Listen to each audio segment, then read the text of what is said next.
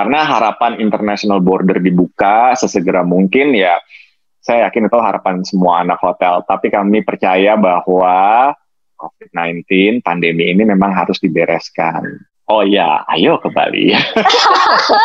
Dimulai dengan Vika Rosemary. Oke, oke, okay. Sofitel, I'm coming. Bicara Pandemi bersama Vika Rosemary. Halo, apa kabar teman bicara? Senang sekali saya Vika Rosemary dapat kembali lagi di podcast seri Bicara. Dan setelah di musim sebelumnya kita banyak bicara seputar media di Bicara Media, di musim kali ini kita akan mengangkat banyak cerita seputar pandemi seperti situasi yang sedang kita alami sekarang, yaitu di bicara pandemi. Nah, kalau di episode-episode sebelumnya kita banyak berbicara tentang data, kemudian protokol, hingga ngobrol-ngobrol dengan seorang penyintas, sekarang saya akan coba mengupas dampak dari pandemi ini uh, bagi sebuah industri yang menurut saya terpukul cukup berat ya, yaitu industri pariwisata, hospitality and tourism. Dan uh, untuk lebih hangat perbincangan di bicara pandemi kali ini, saya sudah bersama dengan sahabat lama saya, dulu orang radio yang kemudian membelot ke dunia hotel, perhotelan, Director of Sales and Marketing Sofitel Bali Nusa Dua, Tommy Trisdiarto. Tommy, hello. Hai, hai semuanya. Hai Vika. Kangen banget deh. Kapan terakhir kita ketemu ya? Terlalu Aduh, lama, lama banget kayaknya. udah. Terlalu lama. Gimana Bali sekarang? Uh, Bali aman, sentosa, tapi uh, sepi. Aman sentosa. Nah, tapi itu sepi. dia. tapi ke, Katanya kemarin waktu akhir tahun cukup rame, Tom. Ya, akhir tahun itu adalah hadiah yang luar biasa untuk Bali. Lumayan ada tabungan gara-gara Christmas dan New Year kan. Jadi tabungan, tabungan bertambah lah untuk bertahan hidup lagi di tahun 2021 ini. Uh, tapi sekarang di uh, bulan kedua 2021 hmm. uh, lagi masih sepi ya, masih sepi di Bali. Gak, maksudnya Se kalau kita bilang sepi. sepi, secara persentase tuh gimana? Berapa oh, persen? Sepi, sepi. Mungkin gini lah, paling gampang ngebayanginnya seperti ini. Kalau di saat sebelum pandemi, kita ngomongin hotel itu selalu lah double digit ya. Kita ngomongin dari sisi hotel. Kan kebetulan saya kerja di hmm. hotel, kita ngebayangin aja hmm. kalau mau pakai numbers atau we want to quantify it, imagine this. Dulu sebelum pandemi itu rata-rata hmm. mungkin ada di 70 persen, 80 persen okupansi gitu ya, all year round ya, tergantung lah mungkin daerahnya di mana. Tapi sekarang itu single digit, tujuh, oh. delapan, sembilan. Oke. Jadi dari situ aja sudah bisa dibayangkan lah ya. Maksudnya kalau kita ngomongin perbandingan, dari situ aja udah kebayang kayak gitu. Dan jangan lupa okay. pariwisata itu adalah yang terbesar di Bali gitu kan. Hmm, hmm, Oke, okay. dan tadi seperti hmm. yang gue sampaikan di awal bahwa salah satu industri yang menurut gue terpukul cukup berat di masa pandemi ini adalah yaitu tourism dan hospitality, betul kan ya? Benar, itu benar banget. Terutama okay. Bali. Oke, okay, terutama Bali karena mengandalkan pariwisata. Internasional. Internasional, gitu. Iya. Yeah. Uh, Oke, okay. kondisinya sekarang di Bali, kalau kita uh, kalau di Jakarta itu angka mereka yang positif COVID itu makin makin bertambah gitu ya. Mm -hmm. uh, ketersediaan kamar di rumah sakit juga semakin mm. berkurang. Nah, kalau di Bali sendiri kondisi pandemi sekarang kayak apa, Tom? Sama kok. Maksudnya gini, kalau cuma beda-beda tipis mah udahlah 11 12 kayak gitu kan. Mm, Jadi sebenarnya uh, di Bali pun itu kalau kita lihat ya, misalnya pemerintah pusat memiliki sebuah plan baru gitu ya. Hmm. Um, mungkin Kementerian Dalam Negeri kemudian uh, membuat uh, peraturan yang diikuti oleh hmm. para gubernur. Bali hmm. pasti mengikuti. Hmm. Jadi Bali itu pasti ngikut gitu loh sama Jawa, ya kan? Jadi pokoknya Jawa Bali itu pasti ngikut. Hmm. Uh, jadi kalau dibilang misalnya apakah kita juga melihat peningkatan? Iya. Mm -mm. Apakah kita melihat rumah sakit juga mulai kesulitan? Iya. Iya. Oke. Okay. Jadi kalau dibilang sama mirip lah. Hmm. Oke. Okay. Tapi orang-orang di sana cukup patuh nggak dengan protokol uh, kesehatan gitu. Kemudian aturan hmm. untuk di rumah aja, pakai masker. Karena kan di Bali nggak cuma warga lokal okay. ya, banyak juga turis atau ya nah, ya. Ya nggak banyak. Oke. Okay mungkin gini, pertama dibilang ada turis, udah nggak ada turis kalau internasional. Okay. Jadi mungkin okay. yang tersisa, yang tersisa mungkin memang adalah mereka yang memang sudah tinggal lama di Bali gitu ya, hmm. atau memang uh, mereka uh, sulitlah dibilang kalau mereka kayak regular turis tuh bisa dibilang udah enggak. Enggak ada. Okay. Nah, cuman kalau kembali kalau kembali apakah kita patuh? Sebenarnya sih kalau seorang Tommy keluar ke jalan, hmm. pergi hmm. melihat kita semua di Bali udah pakai masker ke mana-mana pun masuk ke restoran masuk ke hotel prokesnya pun sudah dijalankan mm. but I'm sure it takes more than just itu basic ya itu yeah. basic dan memang itu harus yeah. itu yeah. harus kalau yeah. basicnya aja udah nggak jalan ya susah mm. tapi kalau dilihat dari basic prokesnya uh, masker cuci tangan ke mana-mana nih di jalan mereka pakai pakai jarang kok ngelihat ada orang yang nggak pakai. Nggak pakai. Kecuali lagi di restoran, kemudian mereka lagi makan, makan. Minum, ya mm. barulah kelihatan maskernya tidak terpasang. Mm. Tapi kalau saya lihat, mm. dan kebetulan saya juga harus bekerja. Kebetulan saya itu, uh, I don't have the luxury of working from home. I work from my office. Mm. Kayak gitu ya. Jadi pasti juga ya berkendara, melihat di jalan dan lain sebagainya. Kalau jawaban saya sih cukup patuh sebenarnya. Mm, Oke. Okay. Hmm cukup patuh pada protokol cukup kesehatan patuh. meskipun uh, dari angka yang positif hmm. itu juga terus bertambah sama seperti di di Jakarta gitu ya. Nah, karena memang karena kalau kita ngebahas pertanyaannya adalah why, nah itu panjang hmm. dong. Panjang, ya, bener panjang. sama di Jakarta juga we, panjang. We, we can have bener, we can have like another session for this. uh, tapi memang kalau ditanya ya, karena kan saya harus menjawab dari apa yang saya lihat dan kalau saya lihat sih sebenarnya cukup patuh tapi kan memang it just ini tuh udah panjang dan udah yeah. udah yeah. Yeah. udah rumit banget lah jadi ngebenerinnya mm. ya ya it, it's still a long game of survival and and mm. hopefully we can survive Oke, okay. pertanyaan berikutnya. Waktu kemarin tahun 2020 kita akhirnya bisa ngelewatin gitu ya. Uh, yeah. 8 bulan kita berada di masa pandemi. Dan kita udah berharap bahwa oke okay, masa pandemi ini bisa juga memberikan kita suatu blessing in disguise. Artinya kita berusaha kreatif menciptakan eh, hal-hal uh, yang baru, contingency plan hmm. apa pun itu. Hmm. hmm. Nah, kira-kira di tahun 2021 apakah semua rencana yang sudah dibuat kemarin di 2020 itu bisa terrealisasi? Tahan dulu jawabannya, nanti kita akan lanjutkan lagi teman bicara perbincangan saya bersama dengan Director of Sales and Marketing dari uh, Sofitel Bali Nusa Dua, Tommy Trisdiarto, setelah yang berikut ini. Jangan ke mana-mana. Kembali lagi di Bicara Pandemi, masih bersama saya Vika Rosemary yang kali ini akan ngobrol-ngobrol bersama dengan Director of Sales and Marketing Sofitel Bali Nusa Dua, Tommy Trisdiarto. Tadi sampai ke pertanyaan soal waktu di 2020 bisa kita lewati dengan selamat gitu ya, dan pasti kita semua punya harapan, punya rencana bahwa di tahun 2021 ini uh, kita akan mulai apa ya gear up gitu punya rencana-rencana yang akan kita lakukan supaya tahun ini bisa lebih baik dari tahun lalu tapi di dua bulan pertama ini sepertinya tanda-tanda perbaikan itu belum muncul nah kalau konteksnya di sektor perhotelan dan pariwisata gimana Tom? Oke okay. masuk ke tahun 2021 uh, di detik ini saya yakin uh, semua yang bekerja di sektor pariwisata terutama hotel sudah mulai bisa mencium bau-bau bahwa 2021 sepertinya akan sama saja dengan 2020. okay. Ya. Karena apa kalau untuk Bali kami mengerti bahwa yang namanya pandemi ini harus bisa diselesaikan dengan baik. Mm -mm. Karena kalau tidak bisa diselesaikan dan ternyata memang masih menimbulkan angka-angka wow luar biasa setiap harinya, tentunya akan sulit untuk international border dibuka. Mm-mm. Ya dong. Sedangkan kalau kita ngomongin Bali, international itu penting banget. It's an important market for the industry. Kita bersyukur bahwa ada yang namanya domestic market dan saat ini kami survive karena domestik. market. Tapi memang kenyataannya nggak cukup untuk Bali untuk bisa berputar yang namanya bisnis di perhotelan dan pariwisata.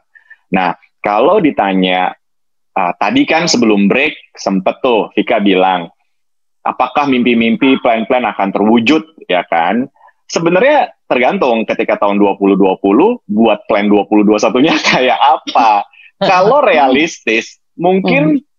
mungkin ya hampir tercapai. Ya contoh lah ya, misalnya kalau dulu mungkin sebelum pandemi bikin forecast Oke, okay, bulan Januari 70%, Februari 70%, Maret wow. 80%. Mungkin membuat forecast 2021 udah jauh di bawah itu. Tapi saya yakin tentunya ada juga teman-teman yang membuat cukup optimis karena hmm. berpikir tahun lalu berharap international border kemungkinan dibuka di akhir tahun atau di awal tahun ini. Mm -hmm. Tapi kenyataannya sepertinya tidak. Tidak. Itulah kenapa kemungkinan masih ada juga pastinya harapan-harapan yang meleset. Mm -hmm. Tapi satu hal ya yang saya rasa dipelajari oleh kami semua di Bali, kami sudah belajar bagaimana caranya survive. Nah. Misalnya, oke, okay, bagaimana caranya kami survive di angka hanya 10% okupansi hanya di angka 9% okupansi. Artinya 8 bulan terakhir, maksudnya di uh, 2020 mungkin hampir hampir hampir mm -hmm. hampir mau setahun lah kita mulai pandemi itu Maret lah ya. Mm -hmm. So March is actually next month. Jadi ini udah hampir setahun. Jadi memang uh, saya yakin ya teman-teman di dunia perhotelan atau di pariwisata itu udah belajar sebenarnya how to deal with it. Tapi tentunya berapa lama kami semua bisa bertahan dengan cara-cara ini. Karena harapan international border dibuka sesegera mungkin ya saya yakin itu harapan semua anak hotel. Tapi kami percaya bahwa COVID-19 pandemi ini memang harus dibereskan gitu. Mm -mm, mm -mm. Nah, bicara soal uh, survive kemarin di mm -hmm. 20, 2020 uh, dengan okupansi hanya 10%, 9%. Mm -hmm. uh, caranya bagaimana? Ada uh, beberapa yang uh, aku tahu sih hotel tuh mulai apa ya memperkuat lini F&B-nya. Kemudian mm -hmm. mereka kayak menjual ke publik gitu ya, buka catering uh, dan segala macam lah itu salah satu caranya. Kalau di Sofitel sendiri bagaimana caranya? Sebenarnya yang kami lakukan dan ini mungkin juga hotel-hotel lain ya. Pertama, kalau pertanyaan bagaimana kita survive, yang pertama adalah cost management. Itu dulu sebenarnya. Nomor satu adalah cost management. Jadi kami semua belajar di sini, oh gimana caranya nurunin listrik, beban listrik gitu loh. Yang namanya hotel itu listrik itu luar biasa. AC, lampu, wah pokoknya semakin besar hotelnya semakin besar pasti beban listriknya. Nah, ini adalah contoh-contoh uh, misalnya di hotel sendiri kita belajar, oh kita cukup nyalain gedung atau wings yang ini, kita gunakan wings yang satunya lagi. Sepertinya kalau kita hanya membuka villa dan menutup building, sepertinya kita bisa survive. Yang dijual produknya selektif. Jadi tidak semuanya dijual atau dibuka. Kenapa? Tujuannya adalah untuk cost efisiensi. Nah, ini yang nomor satu sebenarnya. Jadi terlepas dari kreatif apa yang mau dijual, tadi kan Vika bilang misalkan F&B ini menjadi salah satu yang dijual itu benar, terutama untuk kota-kota besar ya. Tapi kalau di Bali sendiri sebenarnya lumayan jalan, mm. but I don't think it makes a significant impact sebenarnya. Jadi permainannya memang cost. Di mana cost yang bisa dijaga? Is it electricity? Is it water? Is it manning? Etc. etc. Dan tiap hotel dengan keunikannya pasti punya beban yang mungkin slightly different and they need to know or they need to identify mm. which cost that they need to take care of. Jadi mereka belajar dengan si okupansi yang rendah ini gimana caranya tetap survive, tetap bisa berjalan bisnisnya. Sebenarnya okay. itu sih yang penting. Ngomong-ngomong soal efisiensi ya, mm -hmm hotel-hotel itu sekarang juga harus menerapkan protokol kesehatan yang cukup ketat gitu yeah. ya. uh, disinfektan di mana-mana, kalau perlu disemprot karena itu juga menjaga uh, keamanan tamu yang tinggal, kenyamanan dan keamanan tamu hmm. yang tinggal gitu. Hmm. Mungkinkah efisiensi itu sampai uh, ini sih uh, ya ini gua aja ya. Kayak misalnya bedsheet gitu ya, kalau nggak kotor-kotor hmm. banget nggak usah diganti misalnya gitu. Uh, tapi itu enggak kan ya? Enggak sampai kayak gitu enggak. gitu kan efisiensi. Enggak. itu mah itu mah dengan cepat dan mudah saya katakan enggak. Tapi gini, tentunya saya bicara on behalf of Sofitel Bali Nusa Dua. Oke, okay, oke. Okay. And perhaps I can say this much, uh, sepertinya untuk hotel apalagi di bawah big chain seperti misalnya Sofitel itu kan di bawah Accor. Mm -mm. Bisa saya katakan bahwa yang namanya bedsheet itu pasti diganti. kecuali gini ya, kecuali seperti ini. Jadi ganti tamu, kalau ganti tamu sekarang ini hotel itu membutuhkan waktu lebih lama untuk membersihkan kamar karena harus yeah. disinfektan, semuanya yeah. harus diganti. Malah kadang-kadang nih saya mau bilang sama calon tamu harus sabar. Kadang-kadang malah tamunya yang nggak sabar, pengen cepet-cepet check in, pengen cepet-cepet ah sepi masa harus uh, lama check innya nggak bisa early check in bisa, tapi poinnya adalah kamar itu sekarang membutuhkan waktu lebih lama untuk dibersihkan dan disiapkan karena memang protokol kesehatan. Hmm. Jadi kalau menjawab contohnya tadi bed sheet itu ya jelas itu udah diganti lah. Itu itu no. It's definitely not gitu loh. Itu pasti diganti. Tapi sarana kayak gym sauna itu semua udah dibuka hmm. lagi ya? Normal? Jadi gini uh, dibuka tapi tetap pakai prokes. Jadi hmm. jadi jaraknya. Jadi alat-alat itu semua dijarakkan. Kalau di Sofitel sendiri, contoh ya, kalau di Sofitel hmm. sendiri itu dari satu treadmill ke treadmill yang lain itu dikacain. Hmm. So we have oh. a divider between treadmills. Oh gitu. Karena kan misalkan misalkan kami lihat nih kalau kayak Sofitel, oh oke okay, alat yang paling laku nih yang sering dipakai treadmill, sering banget hmm. laku. That's why oke okay, it's important for us to divide it uh, kita pakai kita pakai uh, semacam uh, kaca gitu ya kita uh, pisah-pisah dari satu treadmill ke lainnya jadi kayak supaya cubicle.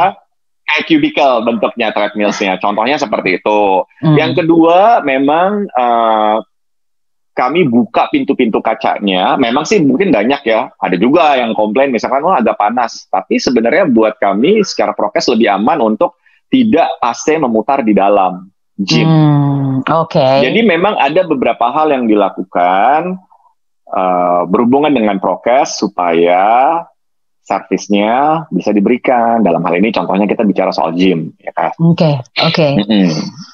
um, karena uh, urat nadi Bali ada di sektor pariwisata dan uh, hmm. saya yakin gitu ya. Uh, pariwisata di Bali ini sekarang berusaha untuk menarik wisatawan khususnya domestik walaupun itu tadi jumlahnya nggak cukup cuman ya daripada nggak ada tetap gitu. Sekarang oh, tetap, harus tetap datang gitu. bersyukur. gitu tapi tulis, di sisi lain tapi di sisi lain uh. pemerintah itu bilang hmm. aduh jangan keluar rumah di rumah aja. Sekarang angkanya makin tinggi yang positif gitu. Itu kan kayak dua hal yang bertentangan. Lalu apa dong yang dilakukan oleh teman-teman di sektor pariwisata nih menghadapi Seben kondisi ini Oke, okay, yang pertama tentunya kami tidak uh, go against the government. Of course not. Hmm. Of course, hmm. what they are saying is correct. It is right. Kalau nggak hmm. penting-penting banget, ya udah di rumah aja. Hmm. Um, but in in in in some, maksudnya gini, in one point, ya yeah, even even myself, I find it a bit okay. I still need to go out so that I won't go crazy. Ada satu poin, oke okay lah, udah udah saya jalan aja lah keluar. Tapi tentunya kita juga harus pinter-pinter hmm. mau ke mana perginya, uh, cek prokesnya, uh, juga jangan sembarangan. Jadi sebenarnya uh, let's face it, we're human, right? We hmm. still ya kecuali dipaksa gitu ya peraturannya kalau keluar rumah didenda satu miliar tuh baru kita semua di rumah gitu ya ya kan tapi sebenarnya ini kan recommendation ya kan It, it's a hmm. recommendation to stay at home if you don't have anything important to do which I personally believe in it, and I'm sure the industry believes in it. Cuma ya, in case you feel like okay, you need a time off gitu ya, untuk pergi uh, liburan sama keluarga. Misalnya oke okay, kita pergi, ya udah kita memutuskan untuk naik mobil aja, merasa lebih aman. Atau kemudian kita cari tempat yang ya udah villa aja. di mana villa pakai kolam renang sendiri. Jadi kita nggak perlu pakai public pool misalnya. Mm. So these decisions you need to make these decisions.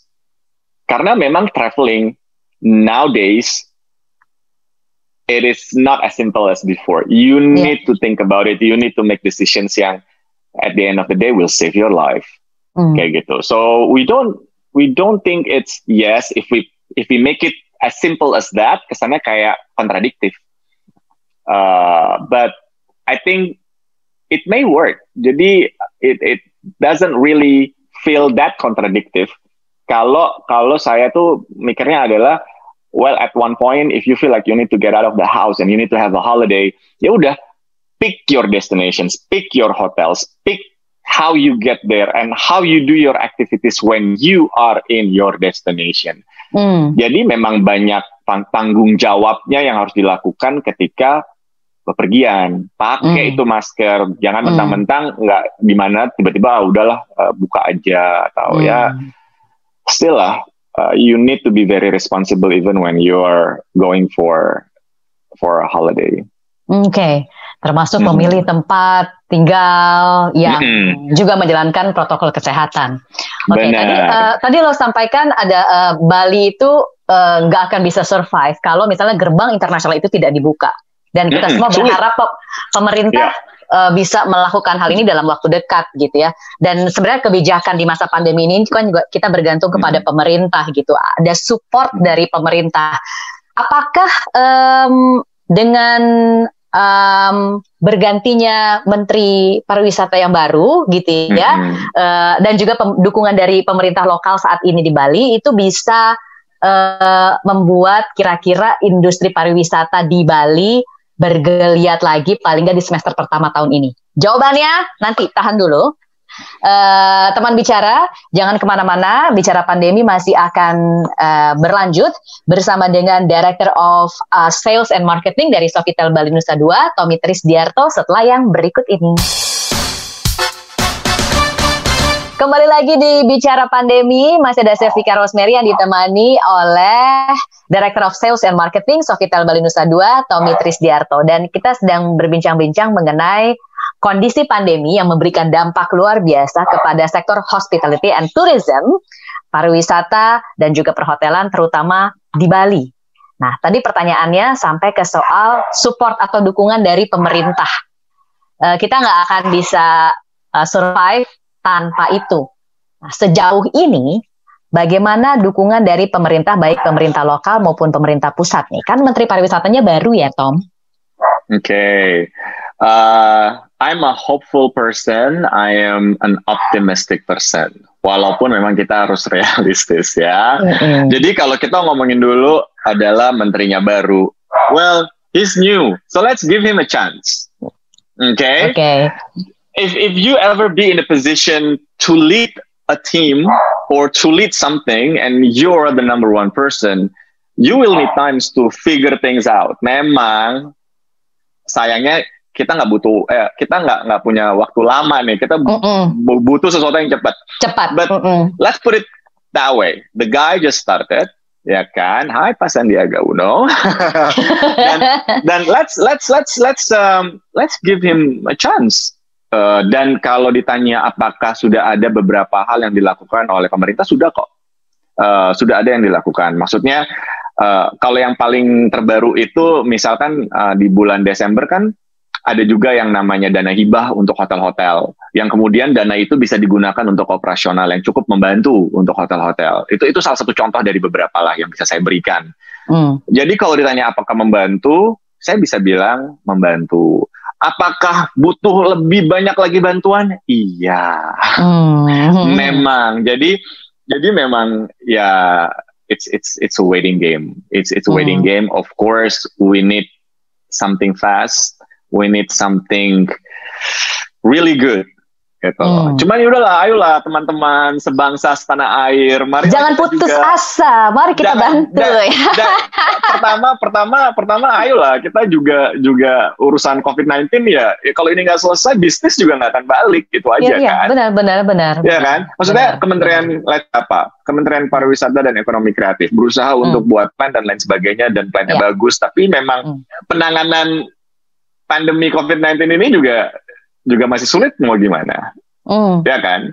Mm -mm. Tapi I personally feel like the government already have, you know, like like they have their share in in, in helping us, and we need to acknowledge that. Apakah uh, kurang? Ya masih kurang. tapi bukan yang nggak ada. Tapi yeah. bukan yang nggak ada ya. Maksudnya it's it's not nothing. They've done something, tapi tentunya saya juga bisa melihat gitu ya. Maksudnya teman-teman yang bekerja di hotel, ya kekhawatirannya masih besar uh, karena memang uh, kami semua di sini pun masih bekerja dengan sistem uh, bergantian ngambil unpaid leave. Mm. Karena that's the way we survive. Ngomongin mm. survive adalah mau nggak mau teman-teman hotelier, teman-teman di pariwisata, mereka bekerja itu dengan mendapatkan gaji yang tidak full dan dan kita pun udah belajar survive dengan dengan hal itu gitu ya. But one thing, and I want to say this to all my hotelier friends, I just want to say you guys are warriors, and I am so proud to be in in this industry together with you, and I see how you survive. Itu tuh luar biasa melihat teman-teman di industri ini sama-sama berusaha untuk survive. And I, I think when it comes to the government, once again, also I just want to say thank you for trying your best, but we are still waiting for your other best efforts. apa sih best effortnya? Boleh dicontohin lah, misalnya salah satunya apa? Mungkin kalau kalau dari saya ya, ngomongin soal bisnis, of course we want the international border to open. Mm. Yeah, and and we need a tangible action on on how to make this happen. Hmm. Uh, kan paling gampang dibilang ya ya udah kalau COVID-19 angkanya masih tinggi ya nggak akan buka-buka. Yes, we know. But hmm. give us the breakdowns. Hmm. Give us okay. the the A to Z, the one to ten, you know. Hmm. But I think the the new government is is starting to roll, you know, uh, you know some some new ideas. But then again, let's let's give the new team a chance gitu aja sih sebenarnya. Oke. Okay. Uh, Oke, okay, international border dibuka ya. Sementara itu, itu uh, justru itu justru buat, buat Bali.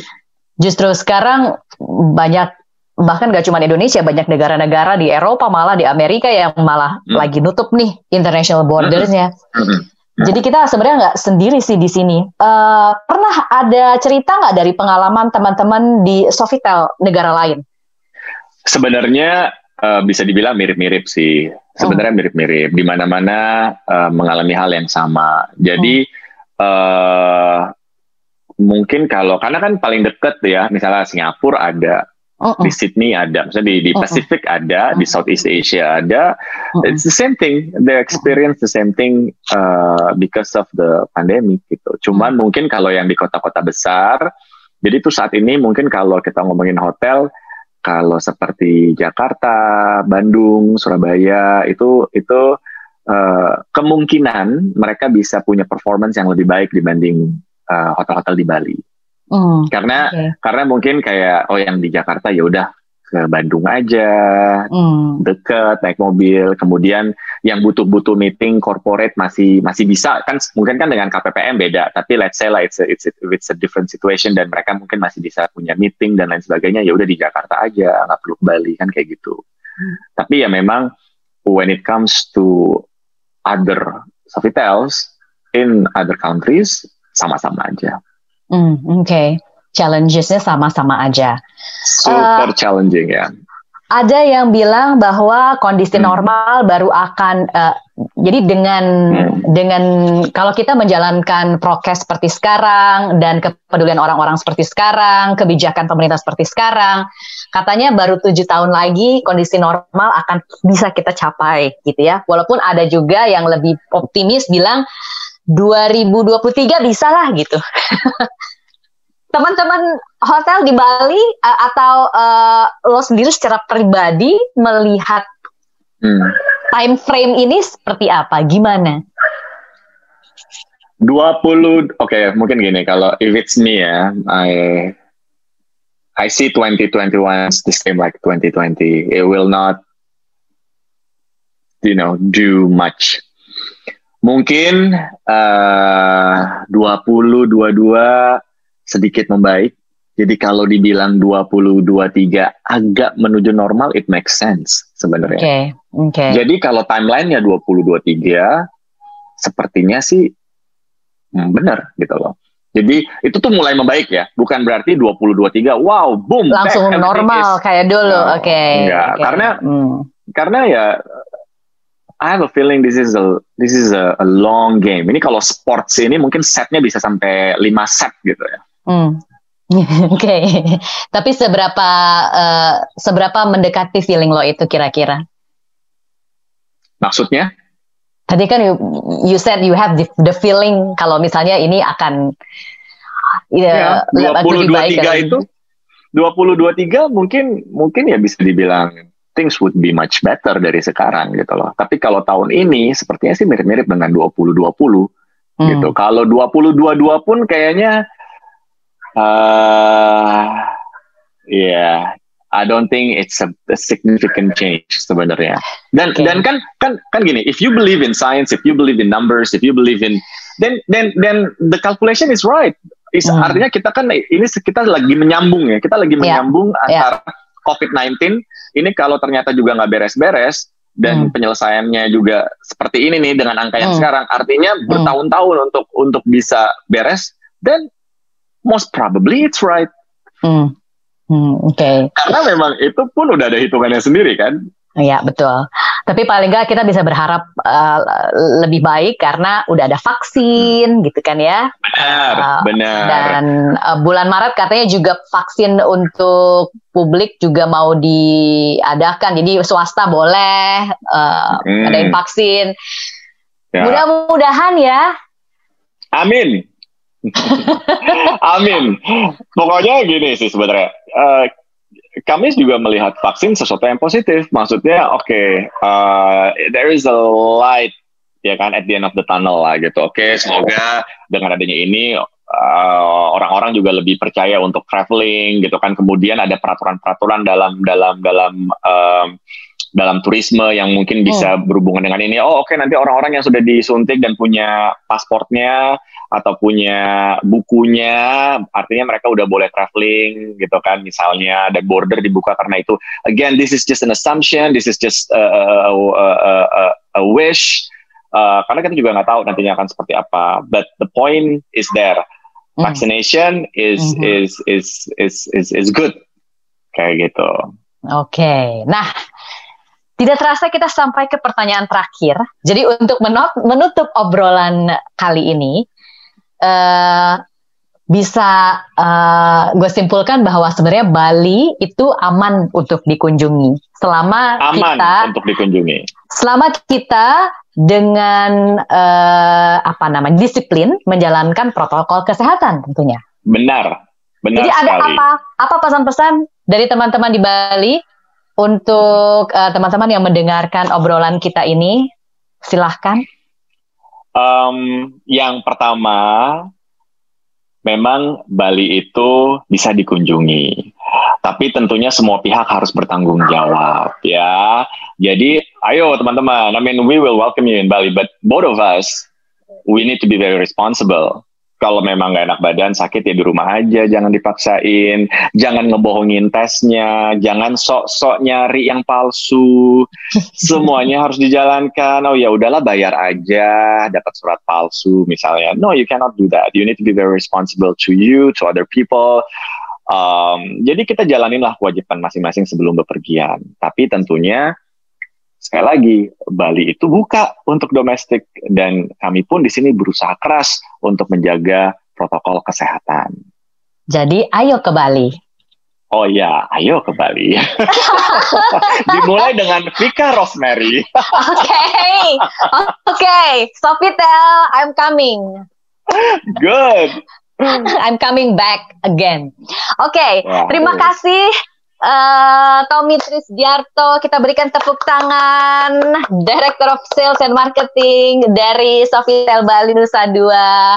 Uh, salam untuk teman-teman yang ada di Bali, teman-teman yang ada di Sofitel, teman-teman hotelier yang ada di Bali semua. Uh, tetap semangat, tetap Terima optimis. kasih. Amin. Yang penting uh, ini juga untuk kita semua lah ya, bukan hanya untuk teman-teman di pariwisata ya ya sepertinya uh, the survival game is on gitu kan hmm. untuk kita semua yeah. uh, ya teruslah kita jaga protokol kesehatannya uh, saling menjaga saling sayang saling ngecek satu sama lain ditanya temennya yang udah lama nggak ada kabar oh. give give everyone some love and some strength gitu gitu terima kasih sekali lagi dan Sama-sama. itu adalah dan itu adalah akhir dari bicara pandemi kali ini. Teman bicara nantikan episode berikutnya dari bicara pandemi bersama saya Vika Rosemary dengan uh, tamu-tamu spesial yang lain tentunya.